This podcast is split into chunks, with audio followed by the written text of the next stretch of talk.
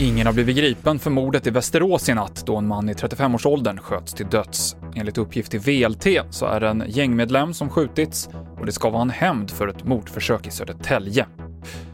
Mars 2018 sticker ut i Sverige som den enda månaden sedan 2017 som ingen har blivit ihjälskjuten i landet. Antalet bekräftade skjutningar i år är hittills fler än samma period de senaste tre åren.